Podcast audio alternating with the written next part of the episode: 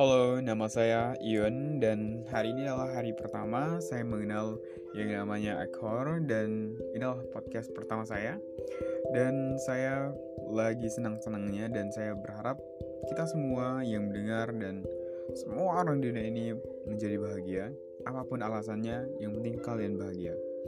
Oke terkadang kita merasa bahwa kebahagiaan itu agak sulit untuk kita dapatkan. Akan tapi ada beberapa orang yang menganggap kebahagiaan itu adalah suatu yang gampang diraih. Ia dengan modal senyum udah bahagia, dengan modal lihat orang yang dicintai udah bahagia.